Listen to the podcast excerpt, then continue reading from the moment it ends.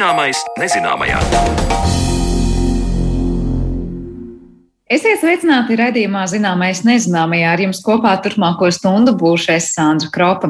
Sezonālās norises mūsu dabā parasti pamanām nejauši, taču tām ir liela nozīme, ja gribam izprast klimata pārmaiņas. Ko makšķernieku dienas grāmatas var pastāstīt par procesiem dabā un kāda saistība ievu ziedēšanai ar augstumu, par to visu runāsim jau pēc brīža. Taču pirms tam uzzināsim, kādus augus stādīt dārzā, lai piesaistītu bites. Ir medus bites, kuras ievāc putekšņus no dažādu dzimtu augiem, ir tādas, kuras dod priekšroku vienas dzimtas augiem, un tādas bites, kurām patīk tikai viens konkrētais augs. Kādi dārzi un ziedi patīk bitēm, kas ir aputeksnētāju dārzi, un kāda jauna bišu dzimta ir atklāta Latvijā, par to visu interesējās mana kolēģe Zane Lāce. Daudz vietā pasaulē dārzu kopēju vidē ir ienācis jauns termins Pollinature Gardens, jeb latviešu sakot, aputeksnētāju dārzi. Proti tādi dārzi, kur speciāli gada siltās sezonas garumā tiek audzēti ziedi, kas pievilina aputeksnētājus kukaiņus. Kā iecienītākie šādu dārzu augi tiek minētas dālijas, gurķu mētra, margrietiņas, lavandas, kliņģerītes, saules puķes, kazenāji, pienenes. Paskatoties uz mūsu dārziem, arī tajos var atrast minētos augus, bet par aputeksnētāju dārziem tomēr tos nenosauksi. Kāds tad ir vidējais latvieša dārzs un kāds ir aputeksnētāja dārzs? To attālinātā intervijā skaidro Latvijas Lauksaimniecības Universitātes augsnes un augu zinātņu institūta docents un vadošais pētnieks Jānis Gailis. Tipiskajā latviešu dārzā, protams, arī ziedoši augi ir sastopami. Tīpaši viņi ir sastopami pavasarī un vasaras sākumā, nu, vegetācijas periodā. Tajā pirmajā pusītē, ja, kad zied gan ogulāji, gan augļu koki, gan arī citi šie augi. Protams, ir arī kāds puķis mums puķu dobītais. Bet ziedēšana kaut kad sākas, viņa iet relatīvi īsu brīdi, un tad viņa kādā brīdī beidzas. Un apateksnētājiem Tad kā ziedputekšņu nektāra resursi paliek, nu, varbūt kādi atsevišķi šie dekoratīvi augi, ja krāšņi augi, respektīvi puķis un kāda nezāle, kas ir palikusi. Ja, ja kāds nav dikti pārcentīgs bijis un nav pilnīgi visu sīki izlaizījis, ja, tad, tad šīs nezāles arī pazied. Savukārt, tie aputeksnētājiem paredzētie dārzi, tie parasti tiek veidoti tā, lai tur visu vegetācijas sezonu būtu sastopami ziedoši augi, Viņi pat tiek speciāli ar tādām mikstūrām, augu mikstūrām, sēklu mikstūras, katrs var tādas nopirkt un sēt.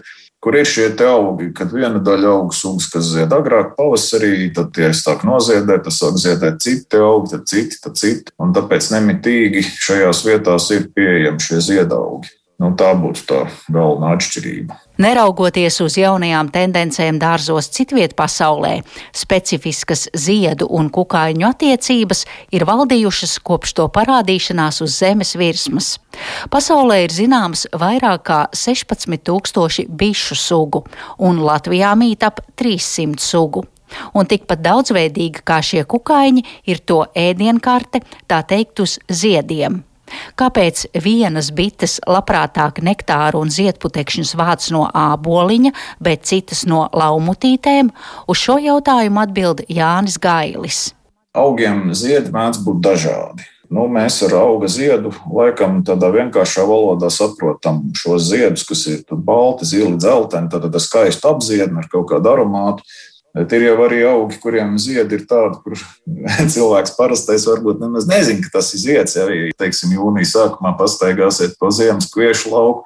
Tur arī ziemas kvieši to brīdi ziedēs, ja, bet tas zieds galīgi nav tāds, kas mums asociējās ar terminu zieds. Vienkārši tie ir augi, kuriem nav vajadzīga apateksnētāja apateksnēšana, viņi paļaujas uz vēju, tad viņi neproducē smukus, krāsainus, smaržīgus ziedus. Bet tie augi, kuri veido šos smukos, krāsainos, smaržīgos ziedus, tad, tie primāri paļaujas uz to, ka viņus apateksnēs kādi nu, no kukaiņiem vai citiem dzīvniekiem. Ja, tropos tie var būt putni, tie var būt arī sikspārņi. Un eh, tad nu, ir tā, ka vispār bites eh, pēc tā, kā viņas eh, apmeklē, cik dažādus ziedus viņas apmeklē, viņas iedala trīs grupās. Tie svešvārdu termini, tātad polilektiskas bites, oligolektiskas bites un, un monolektiskas bites. Tātad polilektiskas tās ir tādas bites, kas ievāc ziedputekšņus no dažādu dzimtu augiem. Oligolektiskas būs tādas, kas ievāc faktiski no vienas dzimtas vai reizēm no vienas ģintas augiem. Nu, monolektiskas ir tādas, kas tikai no kādas konkrētas augu sugas. Nu, monolektiskas bišu sugas, nezinu, Latvijā laikam mums nav. Lielākā daļa mums ir tās polilektiskās bites, viņas eh, lidinās pa dažādiem, tiešām dažādu dzimtu ziediem, bāž šos putekšņus. Ir mums arī oligolektiskas sugas, tātad tās, kuras vāc no kaut kādas vienas konkrētas dzimtas augiem. Bet, protams, ne visas bites apmeklē pilnīgi visu augu ziedus. Cik es zinu, tad, piemēram, čemurziežu augi, nu, čemurzieži, kas mums ir suņu burkšķis, podagras gārsa, visi latvāņi, pētersīlis, tam līdzīgi. Čemurzieži atsevišķām bišu sugām liekas pievilcīgi, bet lielākā daļa bišu sugu kaut kā negrib tos čemurziešus. Nu, čemurziežiem tur ir citi kukaiņi, kas viņus apateksnē, dažādas mušas, vaboles, odi un tam līdzīgi. Bet uh, bites tā kā mazāk. Bet bites arī pēc savas morfoloģiskās uzbūves dalās divās grupās. Ir tā saucamās garmēlas bites un īsmēlas bites, ja, kā viņām šie mutes orgāni ir tie saucamie snuķīši, cik viņiem gari vai īsi. Nu, attiecīgi, tie augi, kuriem šis ziedu apziednis ir ļoti dziļš, jā, tur tām īsmēles bitēm īsti nav ko darīt. Tur kaut tām barmēles bitēm vairāk tas būs piemērots. Tad ir bites, kurām kaut kāda cita lieta pie augiem nepatīk. Piemēram, lucernai, lucerna aputeksnē ļoti labprāt aputeksnē kamenes un griezēji bites, kas iet uz lucernas ziediem. Medus bitē lucerna īsti nepatīk. Tā kā jā, ir dažādas īpašības, ja, kas ir kaut kādam konkrētam augam un ziedam, kas ir kontekstā ar bišu kaut kādu morfoloģiju vai, vai, vai ko citu. Un tas nosaka, vai konkrētās sugas bite apmeklēs šo konkrēto ziedu vai neapmeklēs. Jūs minējat, ka pie mums maz ir tādu bišu, kuras dod priekšroku vienas ģints augiem. Vai jūs varat minēt kādu konkrētu biti? Bita makropis Eiropā, latīniski latviskā nosaukuma nav.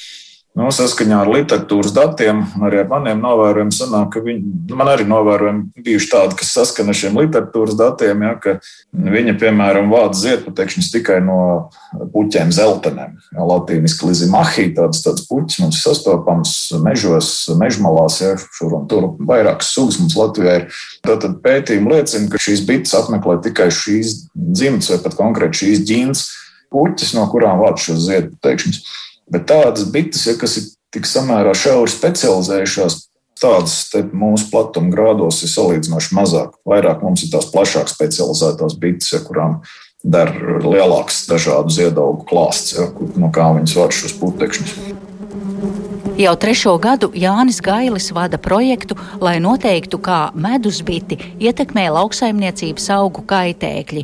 Un pētot mūsu bišu sugas ziedošos ābeļdārzos, griķu un rapšu laukos un bioloģiski daudzveidīgās pļavās, viņš kopā ar kolēģiem ir atklājis jaunu bišu sugu. Tā ir kamene, latīniskais nosaukums bombus menovielus Droši vien varētu par kaut kādu senjonu kamenu nosaukt, jo spriežot pēc šī sugas epitēta, viņa acīm redzot, ir kādam visticamāk zinātniekam senjonu pagodu nosaukt. Droši vien viņš ir bišu pētnieku aprindās, varētu būt labi zināms cilvēks, bet es ar bišu pētījumiem nodarbojos tikai divus gadus un neesmu vēl visas autoritātes apzinājis, jo man tā pamata tēma līdz šim vabols ir bijušas entomoloģijā. Nu jā, tā ir kamenīte, tā radniecība viņai ir ar medus bitēm, jo kamenis ir medus bitēji, tūradniecis medus bitēņas, visas ietilpst tā saucamā medus bišu dzimtā vai bišu dzimta, kā mēs viņu sakam, apīdi latīniski, tātad tūradnieciskas. Atradu vienu šo kamenīti, kā lai to pasaka, administratīvo teritoriju, nezinu, vecajā Limbaģa rajonā, tā varētu teikt. Tātad Latvijas ziemeļu daļā, vairāk vidzemē, Spriežot pēc izplatības kartēm, šai kamenai Latvijā bija jābūt. Viņai ir atradnes zināmas arī Igaunijā, zināmas Somijā, ir zināmas uz dienvidiem no Latvijas, uz austrumiem no Latvijas. Nu, Tātad faktiski pēc šiem atradņu kartēm spriežot, mēs atrodamies normāli šīs kamenes sugas izplatības areālā. Viņai pie mums bija jādzīvo, bet kas ir interesanti, salīdzinot ar daudzām citām kameņu sugām, kas arī pie mums sastopamas, tad Šai kamenei tas atradņu skaits ir salīdzinoši neliels. Nav tā, ka šī kamena būtu visur, kur, saka, kur viens per kāju vasarā, tur šī kamena būtu atrodama. Acīm redzot, ir kaut kāda iemesla, ka viņi vienkārši te savā areālā samērā reti sastopami. Varbūt arī tas ir bijis iemesls, kāpēc viņi līdz šim mums Latvijā nebija konstatēti. Un salīdzinoši ar citām bišu sugām, kas mūsu pētījumos mums nāca pretī, kuras bija tādas daudzskaitlīgas, tad arī viena sugas individs tikai no šīs sugas tika atrastais mūsu pētījumos. Latvijā bez tām sugām, kas mums oficiāli zināms, ka mums varētu vēl kādas sugas būt, jo klimata pārmaiņas mums notiek, vismaz vaboļu pasaulē tas ir labi redzams, ka mums pamazām Latvijā ieviešas un nostiprinās uz dzīvi tādas vaboļu sugas, kuras līdz šim Latvijā nebija dzīvojušas un kuras bija vairāk sastopamas Eiropas centrālajā daļā un Eiropas rietumu daļā vai dienvidu daļā. Tagad viņas pie mums ir ienākušas un iedzīvojušās. Es domāju, ka pilnīgi tas pats arī notiek ar bitēm citiem kukaiņiem. Jā, klimatam mainoties, paliekot vidēji gaisa temperatūrai siltākai, vegetācijas periodam garākam, būs izmaiņas. Mums kaut kādas sugas, kas ir vairāk siltas apstākļus mīlošas, varētu šeit ienākt un nostiprināties uz dzīvi. Un tāpat notiks pretējais process, teica Jānis Gailis. Tās sugas, kuras labāk jūtas vēsākos klimatiskajos apstākļos, tās aizceļos no mūsu platuma grādiem tālāk uz ziemeļiem. Cik harmoniski notiks šo sugu ienākšana un iziešana, to rādīs laiks. Par bišu un to aputeksnējumu augu attiecībām stāstīja Latvijas Lauksaimniecības Universitātes augsnes un augu zinātņu institūta docents un vadošais pētnieks Jānis Gailis, bet turpinājumā raidījumu skaidrosim, kas ir fenoloģija un ko tā mums stāsta par pārmaiņām dabā.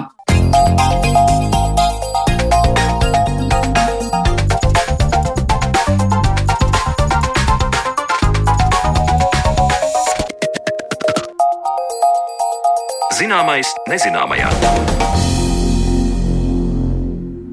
Šķiet, ka pēc tik garas ziemas, kā tā bijusi šogad, pavasara vēstneši tiek īpaši gaidīti. Taču viens ir garām ejot pamanīt pirmo krokosu vai putnu, bet pavisam kas cits - sistemātiski sekot līdz dabas sezonālajām izmaiņām un apkopot datus.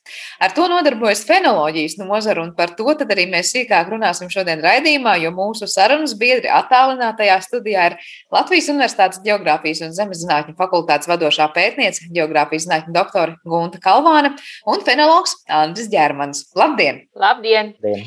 Vispirms es jautāšu, vai fenologs atšķiras no laika vērotāja un dabas norišu vērotāja, vai ir kāda nu, tāda robeža, kuru mēs novelkam, kad mēs to katrs varam darīt, nu, vienkārši tā intereses pēc, un kad tas jau kļūst par tādu sistemātisku un, var teikt, nu, tādu zinātnisku pieeju.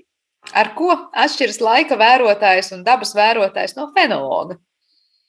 Gunta varbūt. Nu, vai, vai, jā. Jā, tas tāds eh, interesants jautājums. Vispār nekad nebija par to aizdomājusies. Bet, eh, kas man pirmais nāk prātā, laikapstākļu novērotāji, viņi vairāk fokusējas, ja novērotās gaisa temperatūras, zinu, ka ļoti cītīgi pieraksta vēju, nokrišņus, mākoņus. Tad eh, fenologs savukārt skatās vairāk, kā acis liek uz zemi, un skatās vairāk, kas notiek augu dzīvē, piemēram, lapu plaukšanu, iefiksē, vai arī ziedēšanas sākumu, vai arī skatās debesīs, kur parādās kāds pirmais gājputns. Un, protams, fenologi mūsdienās skatās ne tikai augus dzīvniekus, kukaiņus, bet arī pēta cilvēku, jo sezonalitāte patiesībā ir arī cilvēka dzīvē. Tas, laikam, ir tāds fenologu uzdevums pamanīt šīs sezonālās norises dabā un piefiksēt un atzīmēt. Jā. Tā cilvēku vērošana arī varētu būt fenoloģija. Cilvēku sezonā. Jā, tā starp, jā, tā starp citu ir ļoti aktuāla un tā nozare, kas ar vien vairāk un vairāk tiek pētīta. Un uh, ir tāds novirziens kā cilvēcīgā bioklimatoloģija, kas atbild uz jautājumu, kā laikapstākļi un klimats ietekmē visu dzīvo būtņu labsajūtu. Un dzīvās būtnes, protams, arī esam mēs. Jā, te man jautājums Andrim, par ko tieši kā fenologs sanāk visvairāk interesēties un ko novērot? Ar fenoloģiju sanāk strādāt jau diezgan ilgu laika posmu, un par šiem gadiem arī ir radušās dažādas idejas, un dažādi ir mainījušies arī tie galvenie uzstādījumi, ko tad nācies novērot. Fenologam patiešām, kā jau Gunta teica, tās galvenās izpausmes ir novērot norises dzīvajā dabā, augu pasaulē, arī dzīvnieku pasaulē. Protams, fenologi mazliet novēro arī dažādus abiotiskus vidas faktorus, piemēram, pirmo un pēdējo pērkonu negaisu, pirmo un pēdējo salnu, uz augstnes ledus iešanas sākumu, sniega sagas nokušanas sākumu. Bet tomēr, tomēr viss vairāk sanāk skatīties nu, ne tikai uz zemi, bet arī mazliet uz augšu. Ja runa ir par kājputnu, piemēram, atlidošanu, arī uz koku, lapu, plaukšanas, dzeltēšanas sākumu, dažādu augu ziedēšanas sākumu, koku ziedēšanas sākumu. Tā kā tā programma kopumā ir diezgan plaša, ir vairāk kā 150 dažādi dažādas fenoloģiskās parādības, ir, ko mēs novērojam. Kā notiek tā pati novērošana? Viens ir vienkārši to ieraudzīt un fiksēt, vai tur ir jābūt, kā saka, nu, jāatbilst noteiktiem kritērijiem, lai to novērojumu ieskaitītu. Nu, tad es nezinu, kā redzēju, kur redzēju, kad redzēju un kā fiksēju. Jā, tad Andris varbūt pastāstīs, kā konkrēti to fenologi dara, bet eh, es gribēju piebilst, ka, protams, mūsdienās fenoloģija vairs nav eh, tāda nozare, kas spēta tikai ieraudzīt, piefiksēt Tās metodas ir ļoti daudzveidīgas un ienāk arī informācija tehnoloģiju sistēmas. Un arvien vairāk, piemēram, novērojumi tiek veikti no satelītiem, tā dēvētais zaļošanās indeks, kad mēs arī no satelītiem varam izrēķināt, kad sākas zaļošana, kad attīstās vegetācija. Arī daudz diezgan tiek izmantotas digitālās fotogrāfijas, arī fotogrāfijas no torņiem, kad mēs varam redzēt ainavu. Mēs fotografējam gan ainavu, gan arī atsevišķas, piemēram, sugas kas bioloģiem eh, zinātnieks interesē. Un arī ir tādi fenoloģiskie dārzi, kur eh, tiek audzēts īpaši atlasītas sugas, eh, kas ir ģenētiski modificētas, bet kas savukārt mazāk atkarīgs no tādiem lokāliem faktoriem, lai mēs varam salīdzināt bērnu Spānijā ar bērnu Somijā, ja, un tad attiecīgi meklēt ietekmējušos faktorus kas man pašai fascinē, ka arvien vairāk izmanto vēsturiskās fotogrāfijas. Kad mēs varam paņemt kādu fotografiju no vecmāmiņas arhīva vai vectētiņa, un zinot datumu, tad varam arī skatīties ne tikai uz cilvēkiem, bet arī kas notiek dabā. Un vēl tagad ir moderns virziens, ir izmantot herbārijus, lai atkal rekonstruētu, kas ir noticis 17. gadsimtā vai 16. gadsimtā. Bet, protams, tāda klasiskākā metode un arī viss nu, vis, man liekas, vis, visvērtīgākā, jo, lai cik būtu labs satelīts, nekas vēl joprojām neaizstāja cilvēka aci, cilvēka redzi un sajūtu. Jā, un tad brīvprātīgie novērotāji mums zinātniekiem vislielākais atspējas un vislielākā arī datu iegūšana. Jā, un tad Andris ir fenologs ar vēsturi. Ja es vairāk teorētiķis, tad viņš ir praktiķis, bet viņš varētu izstāstīt, kā konkrēti viņš to dara. Jā, varbūt pirms Andris sāk stāstīt, cik konkrēti un kā to dara, varbūt cik ilgi jau Andris to dara. Ar fenoloģiju sāku nodarboties, jāsaka, tad, kad es nemaz vēl nezināju šādu vārdu un īsti nesapratu, kas tas ir, ko, ko es daru, kā to sauc. Tas bija 1990. gads, kad iekrīt ārkārtīgi silta ziema, un eh, janvāra beigās, februāra sākumā jau ļoti daudz kas dārzos sāka ziedēt, un vienkārši nebija desmitiem gadu tik silta ziema bijusi, visi par to runāja, visi par to rakstīja, Un man likās ārkārtīgi interesanti paņemt un pierakstīt, kurā datumā tad sākas ziedēt sniegpulkstenīt 2. februārī, zilā vizbulīt 8. februārī. Un es paņēmu vienkārši vienu kladīti un, un pierakstīju šos datumus vēl citiem augiem. Pēc tam nākamajā pavasarī bija interesanti šo kladīti uh, atkal paņemt, un izrādījās, ka gandrīz divus mēnešus vēlāk tie paši augi nākamajā gadā sāka ziedēt. Un tā tas arī aizgāja. Un tad es jau mācījos sākuma skolā 90. gada sākumā, un 94. gadā man jau likās, ka es esmu pietiekami drošs, ka es varu uh, ieraugot dabas un vēstures kalendārā šos fenoloģiskos novērojumus, ka es varu uh, sazināties ar hidrometeoroloģijas pārvaldu, kas tolaik bija, vai ne mūsu Latvijas vidus geoloģijas meteoroloģijas centra uh, priekštecis, un, uh, un pieteikt sevi kā fenologu. Un tā no 94. gada tie novērojumi tiek veikti, saka, pēc, pēc pilnas programmas. Um, nu jāsaka tā, ka kopumā uh, sabiedrība ir iesaistīties ļoti dažādi.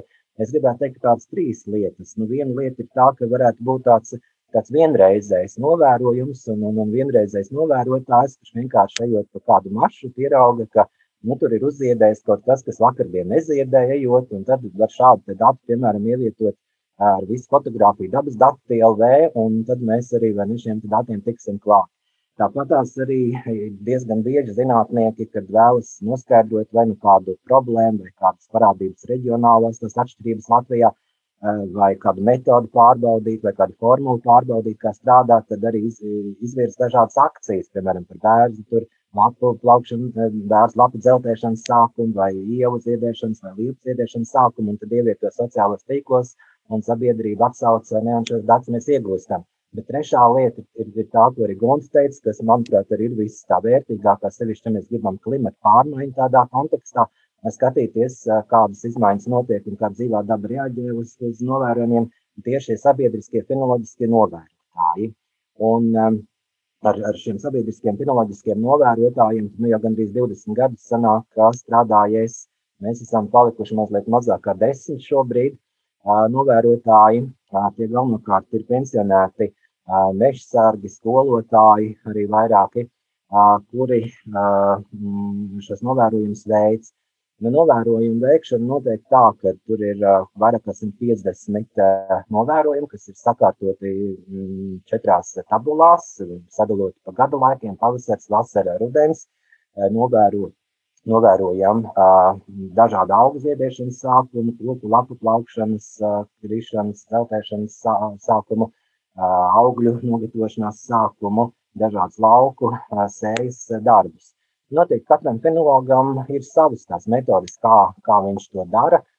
Tas nav tā tik strikti, ka izstrādāti ir kādi konkrēti maršruti, kuros ir jāiet. Tā ir, ir ikdienas pārgājieni, kuros ejot, mēs paskatāmies, kā saka, pa labi, pa kreisi, uz augšu, uz leju un piefiksējam tos novērojumus, ko mēs ieraugām. Un ar laiku, jau, protams, nāk tā pieredze, veidojas tā saucamie dabas kalendāri, kad mēs saprotam, no kuru laiku pīlādze sāk ziedēt, ar kuru laiku var dzērve atlidot, un tad ar to laiku arī tajā maršrutā e, ieliekam klāt arī šo te e, objektu un, un, un tādā veidā cenšamies nenokavēt šos novērojumus. Protams, gadās arī kaut ko nokavēt, arī tā nav liela problēma. Pēc tam arī analizējot šos datus, jau var diezgan viegli var izķert tos datumus, kas varbūt nu, īsti neatbilst patiesībai. Tomēr novērotājiem arī sanāk, varbūt eh, palaist kaut ko garām. Es tieši gribēju prasīt par to, vai nav tā kā, nu, bail vai sajūta to, ka varbūt es šogad pasaku, o, sāka ziedēt kaut kas vēlāk, bet patiesībā varbūt vienkārši nepamanīju vai ne tajā vietā skatījos. Vai tiešām sanāk, ka katru gadu, nu, tieši tie paši, es nezinu, piemājas krūmi ir jāvēro vai, vai pietiek, ja aizbrauc, es nezinu, uz, uz, uz vienu pilsētu tālāk un to pašu paskatās. Cik liela nobīde ir pieļaujama geogrāfiski? novērojumus mēs eh, veicam vai nu viena pagasta robežās, ja tas ir laukos, vai ir vienas pilsētas robežās. Jā, nu, tiksim, Rīgas gadījumā tās varētu būt arī apkaimes eh, robežās. Un, nu, par to, ja kaut ko gadās eh, nokavēt, es domāju, ka novērotāji lielais vairums ir absolūti godprātīgi. Tur nav, kā saka, par šo darbu neko nemaksā, līdz ar to arī nav nekāda problēma ievilkt tur svītriņu tajā gadā un vienkārši nākamajā gadā pievērst uzmanību un gaidīt, kad, kad šī parādība varēs novērot nākamajā gadā. Kā zinātniekiem pēc tam ar šo informāciju strādāt, ka varbūt tiešām kaut ko skatāmies, varbūt nepamanīt, kaut ko varbūt tiešām citā vietā paskatījās, un tomēr kaut kādus tālajošākus secinājumus jau tālāk cilvēki izdara no šiem novērojumiem? Jā, nu, protams, mēs kā zinātnieki jo uh, priecājamies, jo vairāk datu, jo tam ir lielāka nozīme. Kā es arī mācu teikt, ka zinātnē tu esi karalis vai karaliene, tad, kad tev ir liela datu rinda, un uh, jo vairāk datu, tad līdz ar to mums tas ļauj uh, tā detalizētāk analizēt. Bet, protams, mūsdienās mēs esam iemācījušies arī ar matemātiskām metodēm izrēķināt, kāda var, var būt, varētu būt šī vērtība, ja, kad būtu varējis dziedēt. Piemēram, balstoties uz gaisa temperatūras modeļiem, tad mēs diezgan precīzi varam arī modelēt, kad attīstība iestājas. Jo, piemēram, mēs arī tagad mēģinājām ABLē modelēt diezgan precīzi ar divu, trīs dienu nobīdi. Mēs varam modelēt dažādās vietās, kad varētu tā attīstība iesākties. Un, uh, tas, man liekas, arī tas skaistais. Bet, protams, jāatcerās, ka daba ir daba.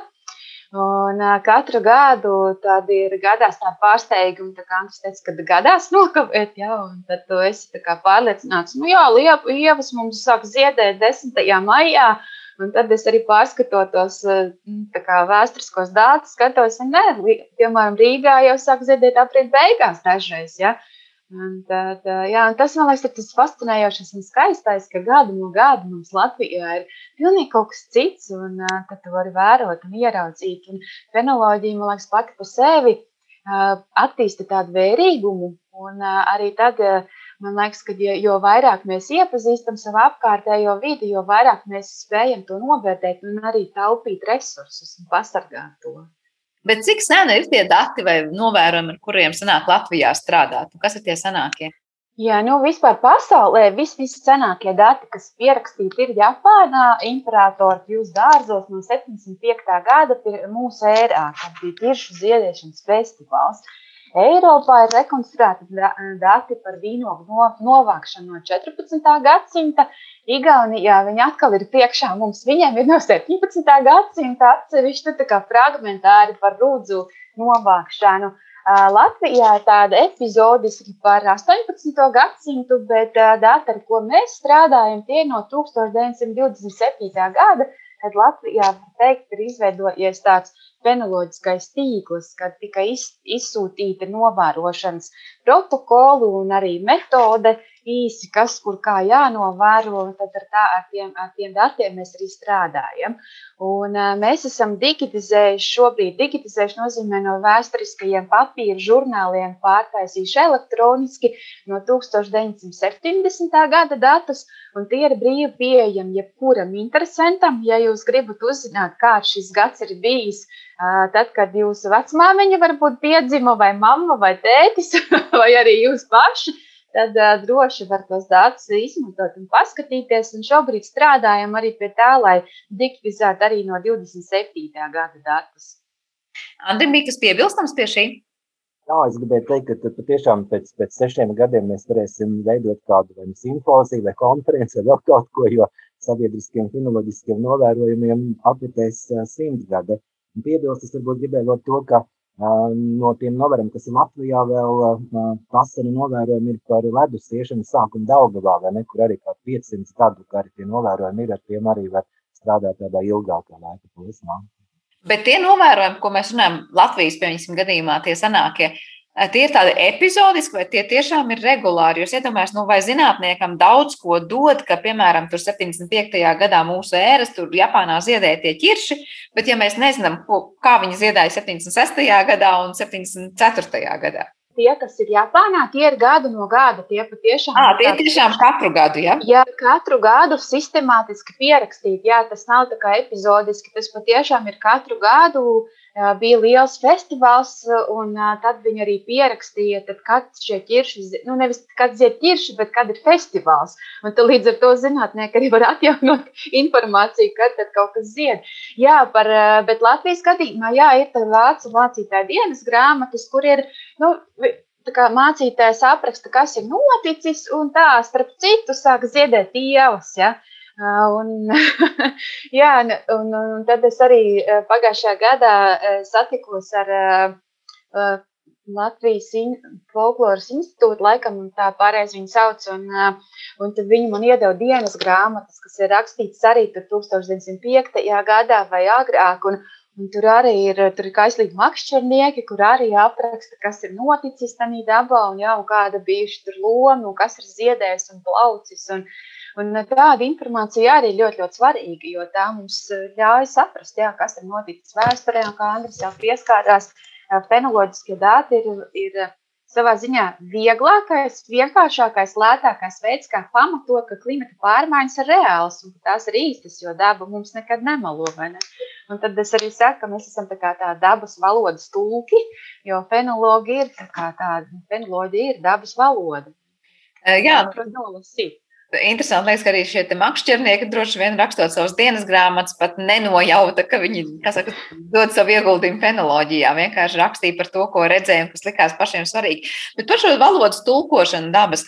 Kā ir ar tām klimata izmaiņām? Jo no vienas puses mēs sakām, mēs vairs nevaram paļauties uz to, ka, teiksim, ah, nu tad parasti tur atlidoja putni vai uzziedēja tas un notika vēl kaut kas ka dabā tās norises diezgan, diezgan ir mainījušās. Piekritīsiet vai nē, kā mēs varam paļauties uz to, ko mēs redzam dabā un izdarīt tālākus secinājumus, kāds tas būs tur pavasars vai vasara atbilstoši.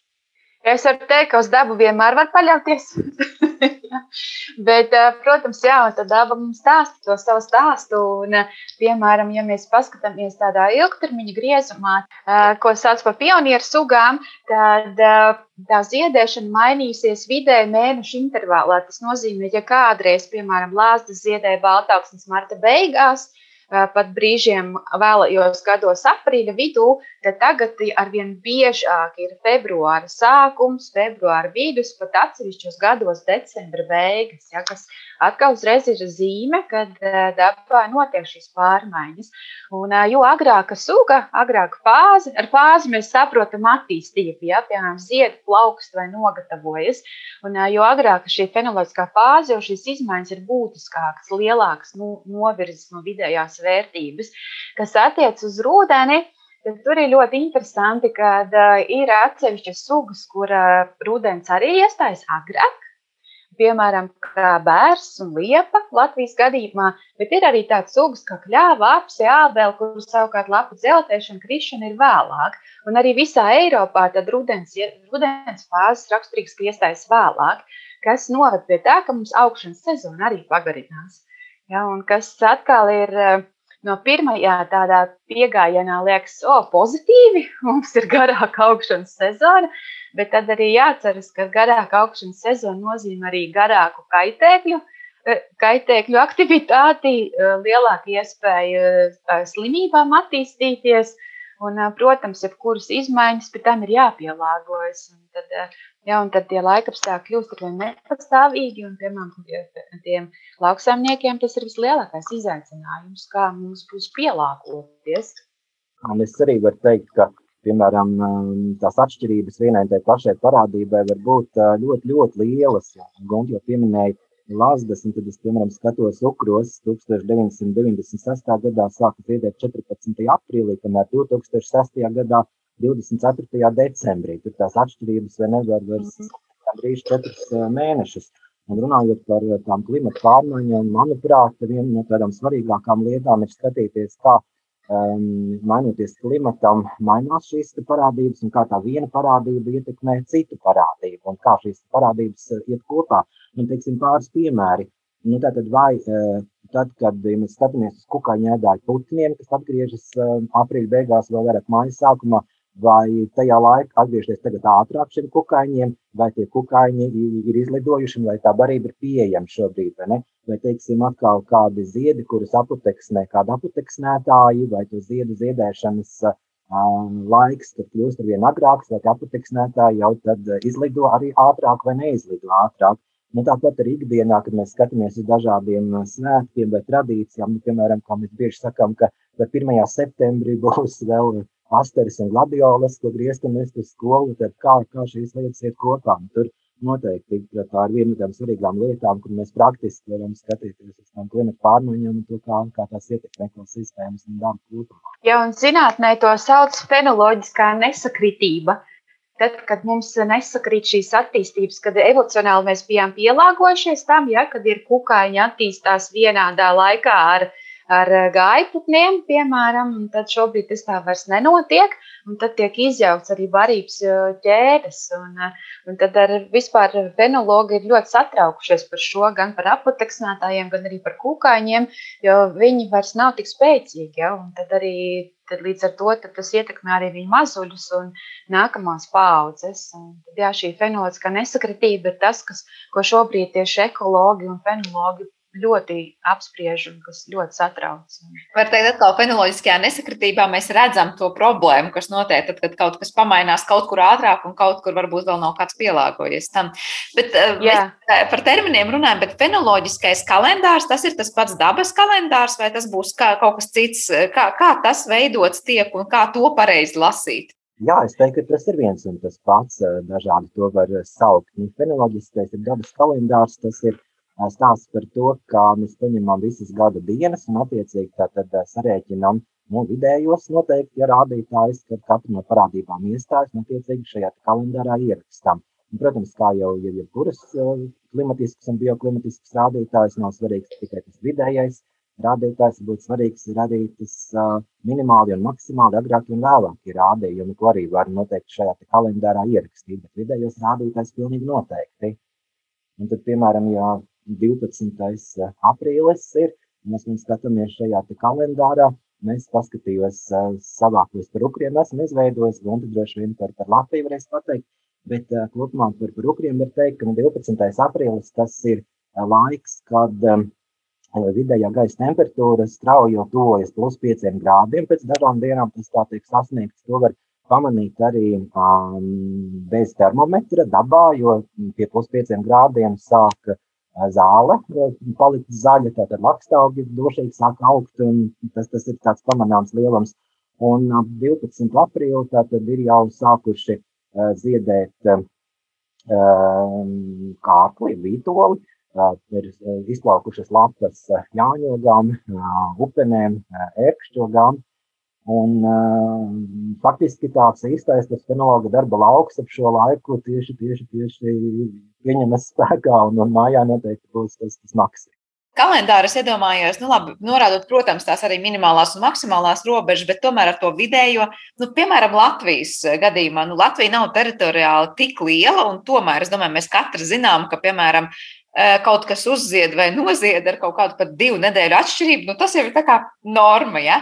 Tādā kalendārā tas tiek norādīts kaut vai Latvijas jau pat geogrāfiskajā kaut kādā areālā, tur nezinu, kur zemē tas būs tā un vidzemē tā, vai, vai, vai tur tomēr katrs paļaujamies uz vidēju aritmētisko.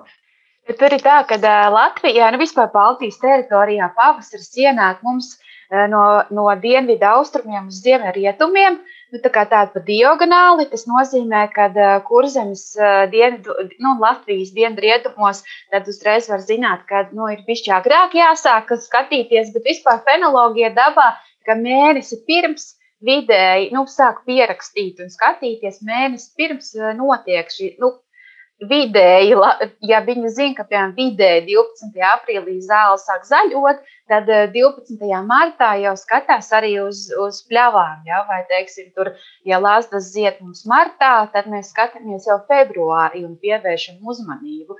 Jā, un tad, eh, tā kā tu jau Sandra arī minēji, tad, jā, tad tās pavasars ienāk nu, tā, no ziemeļrietumu uz dienvidu austrumu, otrādi no dienvidu uz ziemeļu austrumiem. Ja? Un, jā, tā tās gradācijas ir nu, divas, trīs, pat četras nedēļas brīžiem. Un tad, piemēram, kolka, kas ir arī, jo ja īpaši, ja, ja ir bijusi tāda kārtīga ziema, tā kā mums šogad, un ja arī Baltijas jūra vēl līdz aizsalst, tad līdz pat mēnesi vēlāk var notikt attīstība, ja tieši Baltijas jūras ietekmē. Un, un arī rudens mums uh, otrādi, nu tad rudens gaita ir otrādi, ja no alūksnes augstienes, tad uz Baltijas jūras piekrasti, un arī līdz pat mēnesim vai atsevišķām fāzēm pat 90 dienas tās ir atšķirības. Un tad liekas, ka nemaz tā mūsu Latvija nav tik maza. Ja? Mm. Jā, nu runājot par fenoloģisko kalendāru, vēl fenoloģiskajam kalendāram ir dažādas definīcijas un arī dažādi veidi, kā to rēķina, bet parasti fenoloģiskajā kalendārā atzīmē tādas redzamākās un vieglāk arī identificējamas vai redzamās fāzes. Nu, piemēram, Latvijā ievas ziedēšana. Nu, kārtīgs latviečs vienmēr zina, kad ievas zied, ja? vai arī, piemēram, tas augstums, ja? jā, jā, un tad arī, piemēram, ārā bērns, ko izmanto pārsvarā Baltijas teritorijā un Baltkrievijā kā tādu pavasara indikātoru. Nu, tas indikators nozīmē pazīmi. Ja? Un tad, ja, ja bērnam sāk mm, plaukt lapas, nozīmē, ka tas ir fenoloģiskais pavasaris. Jā, nu interesanti. Vēl par to diagonāli, kāpēc tas notiek tā kā pa diagonāli tā pavasara iestāšanās, nevis nu, tādā līnijā no dienvidiem uz ziemeļiem, kur liktos, nu kā taču no dienvidiem viss notiek. Tas ir jūras ietekmē vai kas tur pie vainas? Tas ir arī jūras ietekme, un arī tad, kad mēs skatāmies tādas atmosfēras cirkulācijas procesus, varbūt klausītāji ir dzirdējuši, tad mums dominējošais zem rietumu vēja plūdums, kas eh, kā, pabīda tās nu, gaisa masas nu, uz rietumiem nedaudz, un tad līdz ar to apliecās. Jā. Nu, kā, nu, tur vienmēr jāatcerās, ka tie faktori ir kompleksi. Mēs nekad nevaram atraut no viena un pateikt, šis ir vissvarīgākais. Ja? Un tad, Jā, bet tur ir iesaistīta gan Baltijas jūra, gan arī šis rietumu vēja plūdums. Jā, interesanti, protams, klausīties tajā, ko fenologi ir novērojuši, bet noslēdzot šo sarunu, es noteikti gribu pavaicāt, jūs piesaucāt tās ievas, un tas ir kaut kas, par ko cilvēki runā, man liekas, katru gadu, kad dzied ievas, vai pat tiešām ir saistības starp to, ka tad, kad dzied ievas, ir tas augstums, vai tās ir mūsu, nezinu, sakritības un novērojumi kaut kādas idejas, vai tur ir kaut kāds pamatojums dabā, kāpēc tā ir? Jāsaka, nu, jā, Jā, es tikai pateikšu, ka es kā zinātnēks to neesmu pētījis, līdz ar to es nevaru to komentēt. Bet Andris noteikti nokomentēs. Nu, jāsaka tā, ka e, tā ir tiešām tāda sakritība.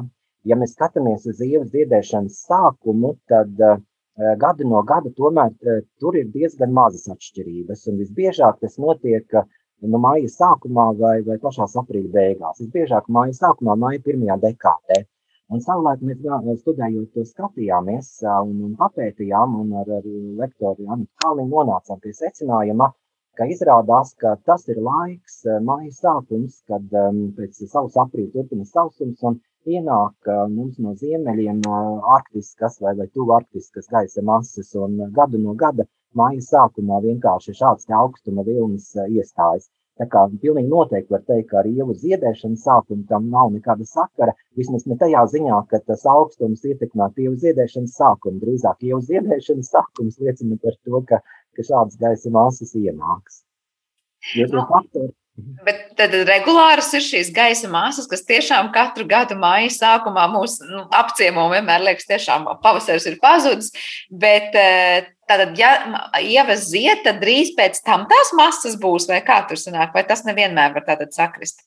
Tas gan tā nevienmēr, ka tur varētu pateikt, ka otrajā vai trešajā dienā pēc ielas dziedēšanas sākuma tas notiek jau vairāk Latvijas teritorijā. Arī ir atšķirības, kurā datumā sāk dziedēt tās sievas. Bet nu, katrā ziņā tātad, tajā māja pirmajā dekādē ir liela varbītība, ka ienāk šādas anticiklonam raksturīgas uh, sausas un vēsas gaisa masas. Jā, piemēram, Rīgas pilsētā tā pēdējos gados nemaz nav. Un, un Rīgas pilsētā arī ir siltumsaules efekts, kas nozīmē, ka pavasars mums iestājas agrāk nekā teiksim, cit, eh, nu, tālāk no Rīgas vai no lielajām pilsētām, ne tikai Rīgā. Ja? Un, eh, tad tas ir, ir aprīļa beigas, eh, maija sākums un reti, kad ir šīs arktiskās gaisa masas. Kad, tā kā nevajag vainot nevienu ne otru, tā ir normāla parādība raksturīga Latvijas teritorijai.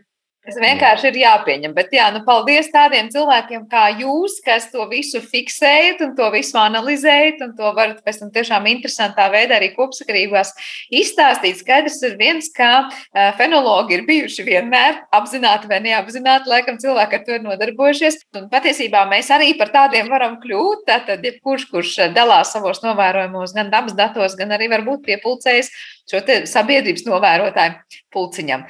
Paldies jums abiem par šo sarunu. Atgādināšu, ka mēs dzirdējām Latvijas Universitātes Geogrāfijas un Zemes zinātņu fakultātes vadošo pētnieci un geogrāfijas zinātņu doktoru Guntu Kalvāni, kā arī fenologu Andri Ģermanu šodien mūsu attālinātajā studijā. Par šo raidījumu teikšu paldies arī producentē Paulai Gulbīnskai un arī mūsu mūzikas redaktoram Girtam Bišam. Es savukārt Sandru Kropu ar jums būšu kopā atkal rīt šajā pašā laikā. Visu labu!